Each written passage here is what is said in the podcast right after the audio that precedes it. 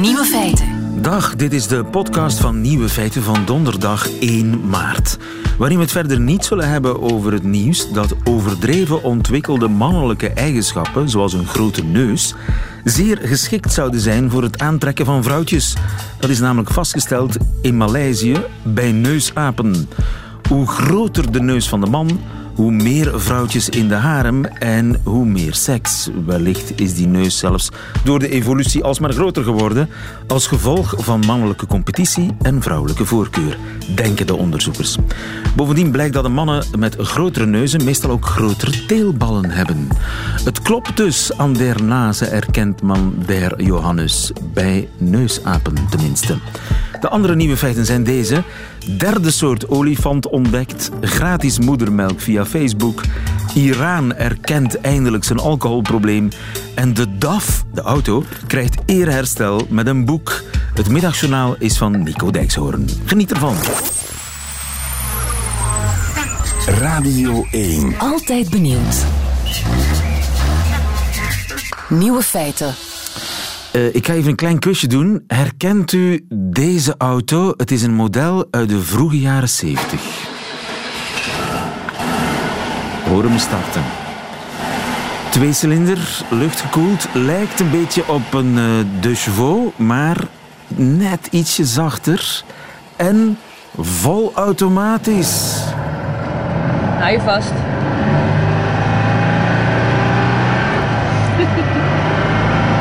hoor je dat Je hoort hem niet opschakelen. En hoe harder je gaat, hoe meer lawaai die maakt. Waardoor je ook, tenminste ik de hele tijd een beetje het gevoel heb van ja, doe maar, schakel, schakel maar. Ja, ja, bijna, bijna. En dan schakelt hij gewoon niet. Maar maar. Ik ga nu 60, 70.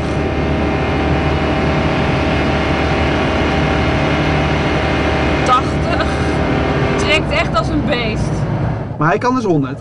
Ja, hij kan 100. Maar hij kan dus ook 100 achteruit. Hij kan dus net zo hard achteruit als vooruit. Heeft u hem al herkend? Als bestelwagen gecamoufleerd reed hij al vanaf 1955 door Nederland. Weinigen wisten dat onder dit uiterlijk het 600 kubieke centimeter hart van een echte Nederlandse personenauto klopte. Het hart van de DAF 600. En de sensatie van deze wagen is de volautomatische koppeling en versnelling. Wat een optimisme hè? in de late jaren 50, 1957 op het autosalon in Nederland. Optimisme over de DAF. En morgen verschijnt er een boek over de DAF, geschreven door Thomas Vasens. Goedemiddag, meneer Vasens. Goedemiddag. Ja, dat optimisme, waar kwam dat vandaan in 1958? Ja, u moet zich voorstellen, Nederland was een land zonder noemenswaardige industriële revolutie. We waren de koloniën net kwijt, we wisten niet waar we heen moesten. En toen was er een, een, een uitvinder in het zuiden van het land, in Brabant, die, die vond dat schakelmechanisme uit waarover het net ging. En die speelde het klaar om vanuit uit het niets um, zich met een personenauto tussen de grote de grote spelers uit Duitsland, uit Italië en vooral Amerika te wringen en een, een auto te gaan produceren. Dat is nogal een sensatie. Ja, en de sensatie was inderdaad die traploze automaat. Hij schakelde nooit. Het toertal bleef ongeveer gelijk en toch ging je harder rijden. Ja, ja, het was een buitengewoon eh, vernuftig mechanisme. Met, men noemde dat een duwband, waarbij de, uh, de, de aandrijfriem, dat moest ook een rubberriem zijn, dat kon niet van metaal zijn, uh, waarbij de rubberriem op een soort cilinder na, naar boven schoof, waardoor de uh, ja, waardoor er dus geen trappen waren, geen, geen, geen uh, uh, schokken waren tussen de verschillende versnellingen. Ja. Er waren als het ware oneindig veel versnellingen en dus maar één. Ja, en het was eigenlijk heel simpel, het was heel mechanisch. Het is op de radio heel moeilijk uit te leggen, maar YouTube barst van de filmpjes erover en je ziet dan eigenlijk hoe simpel dat systeem is. De Bretel-aandrijving werd het wel eens genoemd, hè? Ja, ja of de Jaratel-aandrijving. Ja. Nog, nog erg. die rubberen banden. Want uh, ja, echt een hip en cool imago heeft hij, ondanks dat optimisme, in het begin nooit gekregen. Hè? Nee, dat is, dat is een verschrikkelijke. Een verschrik, dat is geen verschrikkelijk fout. Wat, wat de makers van de auto dachten. Zij dachten: het beloofde land is Amerika. Daar zit Ford, daar is de, de, de, massaproductie van auto's begonnen. Wat daar gebeurt, daar gaan wij ook naartoe. Vandaar die in de automaat. Want Verenigde in, in Staten- Amerika ja, precies. is iedereen een automaat. Nog steeds. Dus hoe logisch is het dan om hier te denken, als wij datzelfde nou kunnen klaarspelen, maar dan in een auto die bij, onze, eh, gevoel, voor, voor- bij ons gevoel voor proporties past, hè, dus veel kleiner. Als we dat nou klaarspelen, dan hebben we de toekomst. Dat was een briljante gedachte. En waarom maar ging dat fout? Het zat anders. Nou nee, ja. eh, Kennelijk wil de Europeaan met zijn hand en zijn linkervoet ook wat doen tijdens het rijden. En dat schakelen, dat brengt gevoelens van, ja, van, van, van masculiniteit en van kracht en van macht met zich mee. En, en wanneer je niet schakelt, voelt dat, of voelde dat in elk geval als een soort minder autorijden. En wat gebeurde er nu? Eh, die, die, die DAF die werd, eh, eh, die werd gezien als een auto voor mensen die nog niet of überhaupt niet goed konden chaufferen. En dus iets dat en niet sportief was en niet eh, stoer was. Maar het allerergste was nog dat het eh, dat, dat, dat weet je, op dat moment was eh, eh, 90% van de automobilisten was man. Maar eh, eh, de, de tijden waren aan het veranderen, de tweede feministische revolutie enzovoort, et cetera. De vrouw ging ook rijden. Maar de meeste vrouwen die gingen rijden, waren nieuwe chauffeurs. En dat was nog in de tijd dat je hem- nauwelijks moest examen doen. Hè? Ik bij ons was het in elk geval zo Nee, dat je, nee, nee. je kon een rijbewijs gewoon afhalen op het stadhuis. Ja, en als je dan ook nog eh, zei dat je in een DAF ging rijden, waren de bepalingen nog, nog eenvoudiger. Omdat dat technisch natuurlijk veel eenvoudiger is. Ah ja, Dus, dus wat je kreeg gebeurde makkelijker er? een Er- rijbewijs er- als je een DAFje had. Jazeker. Jazeker. En dat betekende dus dat de nieuwe chauffeurs vaak voor de DAF kozen. En zo kon het gebeuren, ongelukkigerwijs, dat de toch overwegend mannelijke chauffeur. eh, met enig dédain naar die DAF keek. Want dat was een vrouwenauto. Ja, ja. Vandaar En de naam ja. Truttenschudder. Trutten Schudder, zeker. Omdat hij voor trutten bedoeld was en omdat hij sch- schudde hij. Nou, schudden, ja, hij, hij schudde zo- zoals een Deux Chevaux en een Renault 4 ook schudden. Het, is, het is een auto uit de jaren 50. Ja, hij Maar dus in tegenstelling tot die Deux Chevaux, tot die Renault 4, tot de Kever in Duitsland, is de DAF geen eh, icoon geworden. Geen echt icoon Nou, ik, ik vind het wel. Ik vind het eigenlijk juist wel. Kijk, wat de DAF niet heeft, is het seksappeal en het snopappeal van een Deux Chevaux of een, of een Kever. Dat zijn auto's waar ook de, eh, de intellectueel zich graag in laat zien. Hè, dat, is, dat heeft een soort van, eh, laten we zeggen, een, zekere chic heeft dat. En, en het design is ook, is ook aangeslagen. Terwijl de DAF heeft dat helemaal niet. Die, die, die heeft het imago van een, van een, van een bejaarde auto, van een vrouwenauto. Van het was ook zo. Ik herinner mij in mijn Maar- eh, jonge eh, jaren, eh, jaren zeventig, dat, dat inderdaad nonnetjes reden met een DAF. Hè? Of hele be- opaatjes, heel bejaarde opaatjes. En die hadden ook niet helemaal door dat die even snel achteruit reed. Want ik herinner mij zo'n zondagochtend na de hoogmis. Zo een, een eh, heertje met een pet op van in de tachtig. Die zonder kijken uit zijn parkeerplaats achteruit knalde. Ja, recht tegen iemand anders. Omdat ja, als je daar vol gas mee geeft, dan schoot hij achteruit. Hè? Ja, ja, ja, ja, het mechanisme was zo gemaakt dat hij achteruit net zo hard kon als vooruit. Ja. Want je had maar twee mogelijkheden met de pook. Vooruit, achteruit. Ja, precies genoeg. Hè? Voor iets anders eh, wil je met een auto niet. Maar zou je kunnen zeggen dat die auto ook een bijdrage heeft geleverd aan ja, de emancipatie van een heleboel eh, bevolkingsgroepen in Nederland die tot dan toe de weg naar de auto niet hadden gevonden? De- Ja, evident. evident. Het, het, het feit dat eh, ehm, eh, nou ja, dames, want het, het ging ook vooral over wat oudere dames, dames gingen chaufferen. Dat betekende niet alleen dat ze gingen chaufferen, dat betekende dat ze los van hun echtgenoten, dat ze los van hun families, dat ze mobiel werden. En dat, ze, eh, dat, en dat heeft natuurlijk enorm bijgedragen, in ieder geval aan het gevoel van eigenstandigheid en, en eh, eh, eh, zelfstandigheid. En, en ik denk, dat, dat moet je niet onderschatten. Ja, en, en er zijn nog wel meer. Ik vind het ook een prachtig mooi emancipatoire verhaal. Als je denkt aan de eh, mensen in Limburg en Brabant, waar de DAF-fabrieken stonden, die die auto maakten. En die daarmee een enorme bijdrage hebben geleverd aan aan uh, nou ja, de, de, de welvaart en, en, en, en de groei van de economie in de periode waar we het hier over hebben. Ja, maar dat uh, imagoprobleem dat bleef maar woekeren en ja, uiteindelijk is uh, in 1976 DAF aan Volvo verkocht. Ja, en die hebben DAF opgeslokt. En nog een paar ja. jaar gebouwd, uh, maar dat is dan uh, toch een stille dood gestorven. Wat is jouw link ja. met de DAF? Heb je er lang één gehad of rij je er nog met één? Nee, nee ik, dat, dat zou ik zo graag willen. Maar nee, de, de nog rijdende DAF's die, die, die liggen buiten mijn bereik, helaas. Maar oh, mijn link zo is duur dat, geworden? Uh, nou, niet duur, genoeg, ja. Want ze zijn heel ja, zeldzaam, hè? er zijn er nog ongeveer 3500, ja. Dat is niet veel. Dat is niet veel. Hoe komt nee. dat? Nou, de, de, de, belangrijkste reden is dat, uh, uh, en dat, dat, is, is een verbijsterend verhaal, maar uh, we hebben de DAF net een icoon genoemd, maar we zijn er nooit trots op geweest. En in de jaren 80, de jaren 70 en 80 was er een beroemd televisieprogramma in Nederland, Ter Land, Ter Zee en in de Lucht. En dat was een programma-onderdeel dat heette de Achteruitrijraces. Met en dan gingen ze dus op circuits. Nou ja, met allerlei auto's. Maar de DAFjes waren daar natuurlijk ja. bij uitstek geschikt voor... omdat ze zo hard achteruit konden. En daar zijn honderden DAFjes aan gort gereden. Uh, want dat ging natuurlijk niet goed. Achteruit rijden, dan gebeuren de gekste ongelukken. Ja. En uh, ja... Maar u heeft de, dus, de, nooit de een DAF gehad... maar uh, misschien reden jullie thuis DAF...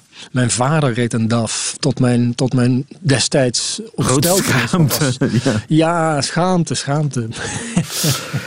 Opgang ja. en neergang van de DAF. Een prachtig uh, industrieel vergeten Nederlands verhaal.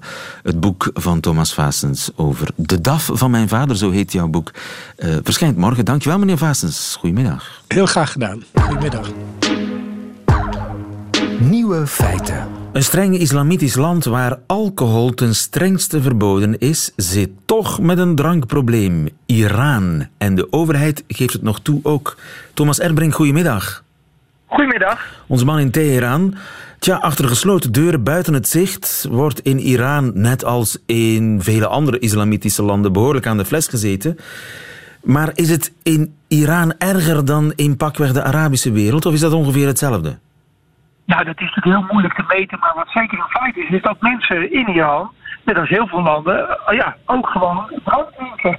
Uh, en er zijn uh, verschillende cijfers van de overheid die dat laten zien. en het gebeurt, zoals je zegt, achter gesloten deuren. Dus mensen bestellen via, via, via op de zwarte markt, bestellen ze drank, vodka of whisky, bier. Uh, dat is niet eens zoveel duurder dan in, uh, dan in België bijvoorbeeld, omdat er, uh, omdat er geen belasting op zit, want het is de zwarte markt. En dan wordt er ook gedronken, ja. Dat heeft er misschien te maken dat Iran natuurlijk misschien net iets minder islamitisch is ja, dan veel mensen denken. Ja, en is dat ook een probleem op straat in het verkeer bijvoorbeeld? Nou, uh, ja, moet ik het wel zeggen. Kijk, er zijn hier geen alcoholcontroles. Tenminste, sinds kort zijn die er wel, maar jarenlang waren die er niet.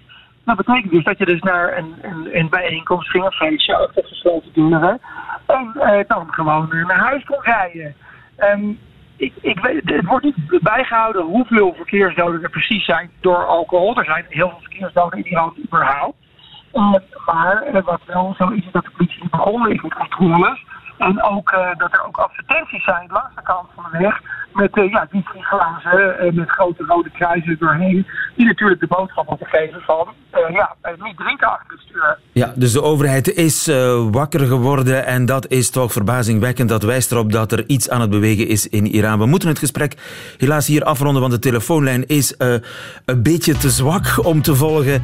Maar er zijn spannende ontwikkelingen in Iran bezig. En een van de tekenen is dat dat de overheid nu toegeeft dat het land een alcoholprobleem heeft. Dankjewel Thomas Erbrink in Iran. Goedemiddag. Word gek van de sleur, ik moet echt uit mezelf vandaag. De duivel die roept mijn naam. Hij weet ik luister graag wat hij zegt, dat maakt me blij. Heb er een ekel aan om echt zo normaal te zijn. Dus ik doe met hem mee en lach met de duivel. Niks is verleidelijker, weet dat het eigenlijk niet goed is, maar toch doe ik het. Ik lach heb morgen vast spijt. Dat is mijn verantwoordelijkheid, maar scheid de duivel weer dicht. Gaat uit vannacht, we brengen het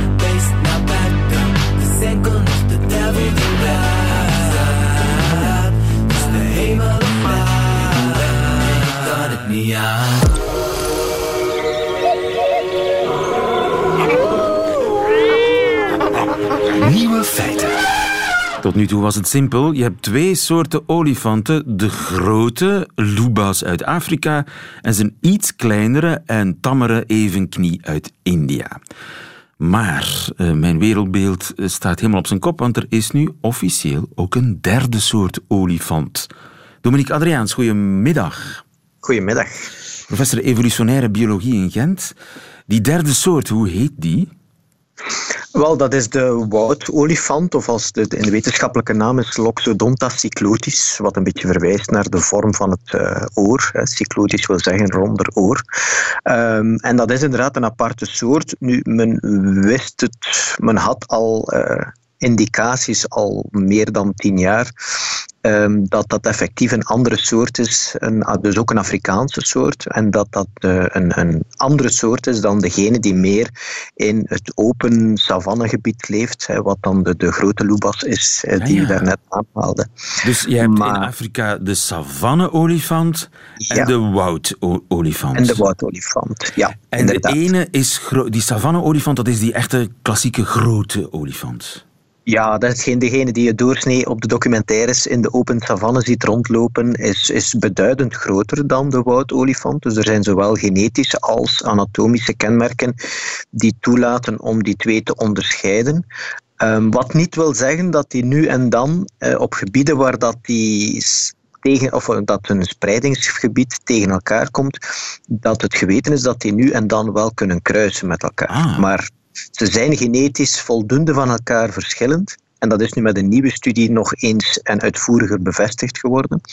Dat ze voldoende genetisch van elkaar verschillen en een lange historiek achter de rug hebben dat ze uit elkaar gesplitst zijn als soorten, om te zeggen van ja, we hebben hier effectief wel twee verschillende soorten. En de ene is groter dan de andere, maar er is ook een verschil in oren. Ja, dus er zijn een aantal kenmerken hoor. Als je ze naast elkaar ziet, ga je direct wel het verschil zien. Hè. Dus de woudolifant is eigenlijk voor een groot deel aangepast om beter door het woud te kunnen lopen. Um, dat heb je onder meer, hij is kleiner. Hij heeft slagtanden die meer naar beneden gericht zijn in plaats van naar voren en openstaand. Want dat zou niet echt handig zijn om door een dicht woud te gaan lopen met slagtanden die openstaan. Uh, Uh, het ivoor van de tanden is meer roodachtig gekleurd. Um, de woudolifant heeft meer een wit oog, eerder dan een donker oog. De oren zijn lichtjes meer afgerond dan bij de savanne-olifant. Um, dus er zijn wel een aantal um, verschillen. En is de bosolifant of de woudolifant is dat een bedreigdere diersoort dan de savanne-olifant? Het is in, in die zin, de, de savanne-olifant is afhankelijk van welke populatie en welk gebied dat je gaat kijken.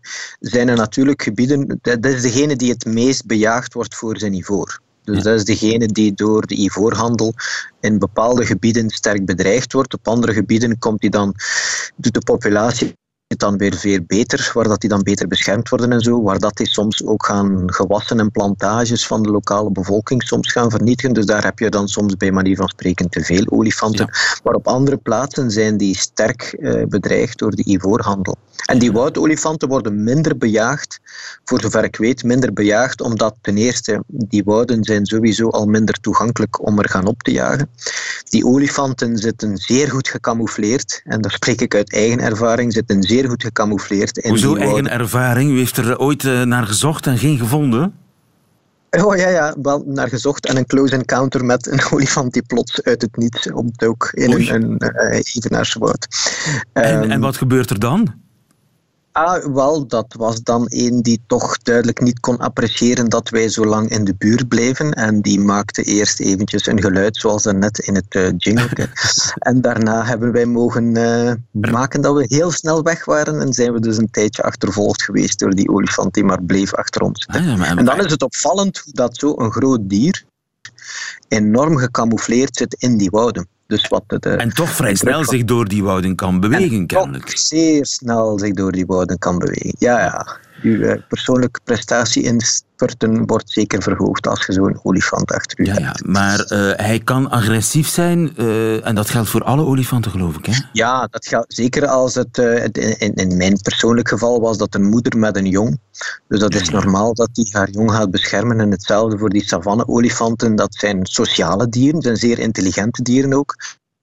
Ehm, dus die gaan, de, de groepen gaan beschermen. Je hebt dan meestal wel een, een, een mannetje die een beetje dominanter is dan de rest, die dan uh, uh, in geval dat er iets of iemand of een predator of een mens te dicht komt en het staat hem niet aan, dat hij wel effectief kan uh, chargeren. Ja, ik zal er eens op letten als ik er eentje tegenkom. De kans is iets kleiner dan in uw geval. De bosolifant, de officiële derde Afrika de derde olifantensoort Olifant, in de, ja. de, wereld. Dominique Adriaans, dankjewel. Goedemiddag. Graag gedaan.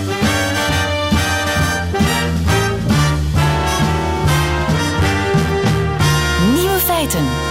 Je kunt tegenwoordig op Facebook moedermelk vinden. Goedemiddag, Katrien Nauwelaerts. Goedemiddag. Drie jaar geleden begonnen met een Facebookgroep om moeders met melk te veel in contact te brengen met moeders met melktekort. En hoe werkt dat dan? De afnemers die gaan zelf bij de donoren langs. Ja, moeders die melk te veel hebben, kunnen zich uh, aanmelden op de Facebookgroep. Die krijgen daar niet direct toegang toe. Die moeten dan, vooraleer ze toegelaten worden, een, uh, een screening ondergaan. Die moeten een hele vragenlijst, een hele lange lijst invullen uh, over hun situatie en waarom ze melk te veel hebben, enzovoort, enzovoort. Um, en zijn er dan, dan moeders die afvallen na die vragenlijst? Ja. Waarom bijvoorbeeld? moeders die bijvoorbeeld te weinig info geven of moeders die uh, af en toe alcohol gebruiken, die medicatie gebruiken, uh, die bepaalde ziektes hebben, die kunnen geen melk doneren. Ah, ja.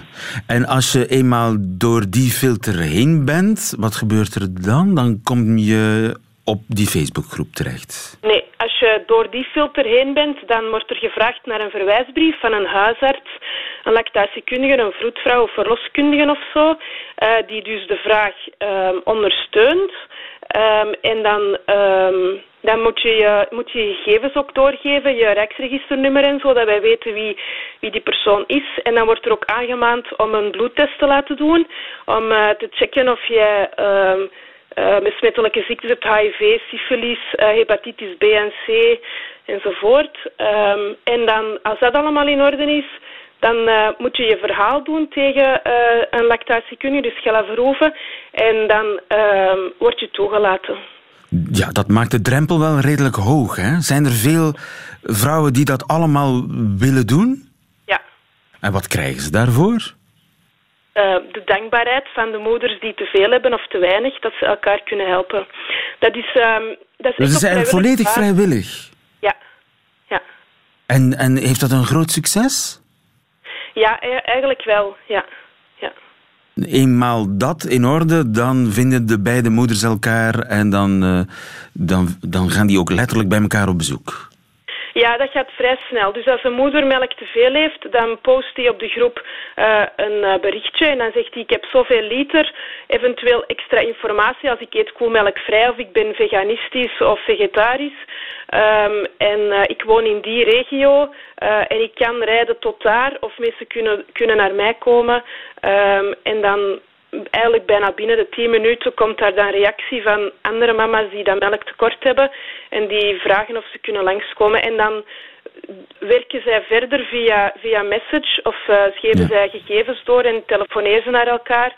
Die mensen leren dan, ik raad aan om iemand anders eerst te leren kennen uh, en niet direct uh, een afspraak te maken. Ja, want het is wel heel intiem natuurlijk. Hè? Je, je, je ja. laat je baby iets drinken dat uit het lijf van een ander komt. Ja, dat klopt. Dus ik, ik, uh, ik, ik, ik, raad moeders sterk aan om eerst uh, contact te zoeken en op gevoel af te gaan. Voelt dit goed? Ja. Als het niet goed voelt, dan, uh, dan gaan ze er gewoon niet mee door. En dat gebeurt af en toe. Dat moeders contact zoeken met iemand en uiteindelijk beslissen om hun melk aan iemand anders te geven of van iemand anders een andere donor te zoeken om hun kindje melk te geven. Dat is echt op basis van vertrouwen. Je wordt als het ware een, een heel klein beetje familie. Nu, bewaart dat lang, zo'n flesje moedermelk? Ja, dat hangt ervan af hoe dat je het bewaart. Hè. Op kamertemperatuur maar enkele uren. Um, maar als je dat in de diepvries bewaart, meer dan zes maanden. Op de, de, die mama's krijgen ook uh, um, allerlei protocols qua hygiëne. Hoe kolven, hoe hygiënisch kolven, hoe bewaren, uh, hoe vervoeren ook. Um, en die melk wordt dan, raden aan om melk te steriliseren, alleen te pasteuriseren. Um, dus daar, zij krijgen heel veel informatie over hoe dat ze dat zo veilig mogelijk kunnen doen. Dokter Van der Plas, goedemiddag. Een goedemiddag. U bent kinderarts in het UZ in Brussel en heeft geboeid zitten meeluisteren naar uh, Katrien. Is dit veilig? Wel, alles hangt af van de veiligheidsmaatregelen die genomen worden. Ik heb veel uh, veiligheidsmaatregelen gehoord, toch? Uh, ja, als dat uh, zo is, zoals uh, zij het vertelt, en dat die moeders gecontroleerd worden op ziekten zoals hepatitis en HIV, en dan, dan begint het erg te gelijken op wat men in ziekenhuizen doet, want er zijn natuurlijk moedermelkbanken in, in kinderziekenhuizen. Ehm, maar dat is eigenlijk vrij beperkt, omdat uh, door alle controles en veiligheidsmaatregelen die er moeten gebeuren, dat eigenlijk enorm duur uitkomt. Hoeveel kost een liter moedermelk in de moedermelkbank in een ziekenhuis? Sorry? Hoeveel kost een liter moedermelk in een moedermelkbank in een ziekenhuis? Dat weet ik niet, maar ik weet wel dat het door al die testen heel erg duur is en dat daarom... Meer dan 100 euro? Ik, ik weet het niet. Uh, weet jij het, Katrien? Bij ons is dat gratis, maar... Um, maar in zo'n uh, officiële uh, moedermelkbank? Maar nee, iemand moet betalen voor de hepatitis, voor de HIV, voor de syfilis, voor ja. de culturen van die moedermelk. Wa want jullie testen in het ziekenhuis de melk zelf. Het staal oh. zelf. Ook, ja, zeker. Ja, ja. Dus terwijl bij de Facebookgroep worden de moeders Die worden aangemaand, zei je. Is dat ook verplicht? Moeten ze die, die test ook echt daadwerkelijk voorleggen? Nee, dat is niet verplicht. Wij kunnen moeders niet verplichten om dat te doen. Als een eh, vraagmoeder tegen een donormoeder zegt, kijk, uh, ik vertrouw jou, voor mij is het oké, okay, dan kunnen wij daar niet in tussenkomen. Uh, maar ik raad moeders heel sterk aan om wel een bloedtest te vragen. En uh, u vroeg naar de prijs. Ik weet, in Nederland kan je via het moedermelknetwerk zelf um, een test laten doen en dat kost 95 euro. Maar het systeem, de zorgverleningssysteem en terugbetaling in Nederland is anders dan bij ons. Dus bij ons Ga je naar de huisarts en betaal je het remgeld. Maar dat is minder dan 95 euro, maar hoeveel precies weet ik ja, niet. Ja, maar het, de officiële door ziekenhuis goedgekeurde moedermelk is heel duur, omdat die ook echt 100% safe is. Ja. Uh, en die moeders worden ook geprikt en nagekeken natuurlijk. Ja. En je hebt altijd mogelijkheid dat daar ook uh, bijbesmetting met wat bloed bij is. Hè. En dus alle besmettingen die via bloed overgegeven kunnen worden, moeten ook nagecheckt worden. Eigenlijk voor maar elk start. bloed, daar zegt u zoiets. Het doet me eigenlijk denken aan een, een uh, doe-het-zelf bloedtransfusie hè, via Facebook. Ja, maar op zich, moedermelk is natuurlijk de beste voeding voor alle kindjes. En uh, niks op tegen dat men probeert systemen te bedenken om zoveel mogelijk kinderen te voeden met moedermelk. Dat is uh, zeker en vast beter dan kunstvoeding. Alleen moet het op een uh, volledig hygiënisch veilige manier gebeuren. Hè. En er is, de er is de besmettelijke ziektes, maar er is ook alcohol, er is ook medicaties, er is ook drugs die allemaal uh, overgaan via moedermelk. Dus uh, voor een ziekenhuis staat veiligheid bovenaan en moet dus eigenlijk elk staal uh, op al die dingen gecontroleerd worden. Het is een kwestie van vertrouwen, zeg je, Katrien. Ben je niet bang dat er ooit eens iets zal misgaan? Um, het is zo dat uh, de moedermelkbanken via uh, ziekenhuizen werken met prematuurtjes. Um, en uh, wij, bij, voor onze groep uh, is de moedermelk alleen voor uh, op tijd geboren gezonde baby's. Ja. Um, dus daar zit maar al een theoretisch risico voor besmetting met hepatitis, met HIV is natuurlijk even groot en even erg voor een aterme baby dan een ja. prematuur. Dus ja, daar ben ik het mee eens. Dat is ook de reden waarom wij heel sterk aanraden om die bloedtest te doen en dat elke drie maanden te herhalen. Ja, maar tussen aanraden en wat via ziekenhuizen gebeurt, is verplicht. Ik denk dat daar het, uh, het grote verschil zit. Maar dokter Van der Plas, zou u die, die Facebook-moedermelkbanken, uh, zou u die eigenlijk liever zien verdwijnen? Wel, ik denk dat zij alleszins moeten waarschuwen voor de mogelijke uh, gevaren, omdat het niet gegarandeerd uh, veilig is. Maar ik herhaal dat uh, borstvoeding de beste voeding is voor alle baby's. En het is dus voor iedereen afzonderlijk ja. af te wegen wat de voor- en de nadelen zijn. Een verhaal met heel veel kanten. Dankjewel Katrien Nauwelaerts en dankjewel ook dokter Van der Plas. Goedemiddag. Nieuwe feiten. Middagjournaal. Beste luisteraars, ik ben de laatste tijd weer een beetje aan het koken. Het zijn vrij eenvoudige gerechten die ik maak. Als mannen in het weekend voor de lol gaan koken, dan gebeurt er iets geks. Het moet altijd groot en heel ingewikkeld zijn. Mannen nemen geen genoegen met een kip en wat wijn. Nee, het moet meteen een halve geroosterde eland zijn. Als mannen zelf kip toebereiden, dan begraven ze hem eerst in een kist met hooi een halve dag in de tuin van de buren. Daarna duwen ze veertien citroenen in die kipse geboortekanaal. Ze gaan een halve dag lang op zoek naar een speciaal kruid dat alleen in Zuid-Oeganda wordt geplukt. En dan moet zo'n kip langzaam garen op verwarmde marmeren stenen van 300 euro per stuk. Gewoon iets aanbraden, omkeren en dan opvreten. Dat doen mannen niet. Want ze willen een staande ovatie als het gerecht op tafel komt. Dat vind ik zo vreselijk kinderachtig.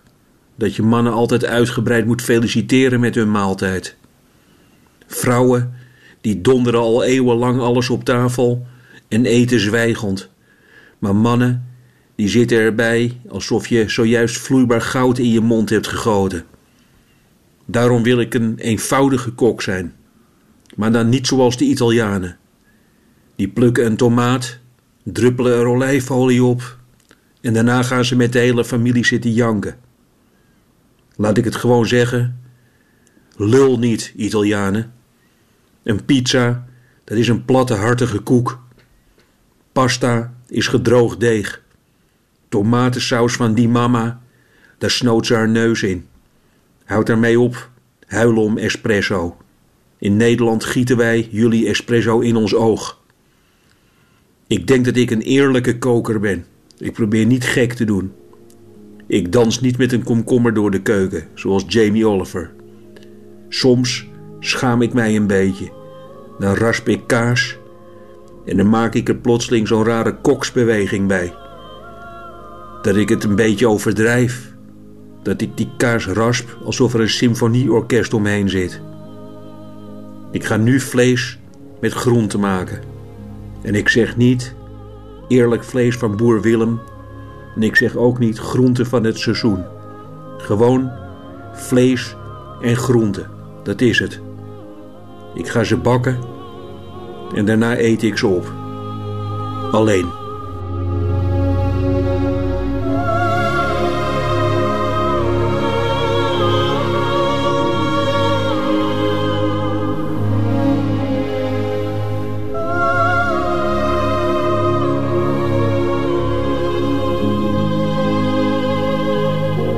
Middagjournaal met Nico Dijkshoorn. U hoorde een podcast van Radio 1. U vindt er nog veel meer op onze website radio1.be of op de gebruikelijke podcastkanalen. Tot nog een keer.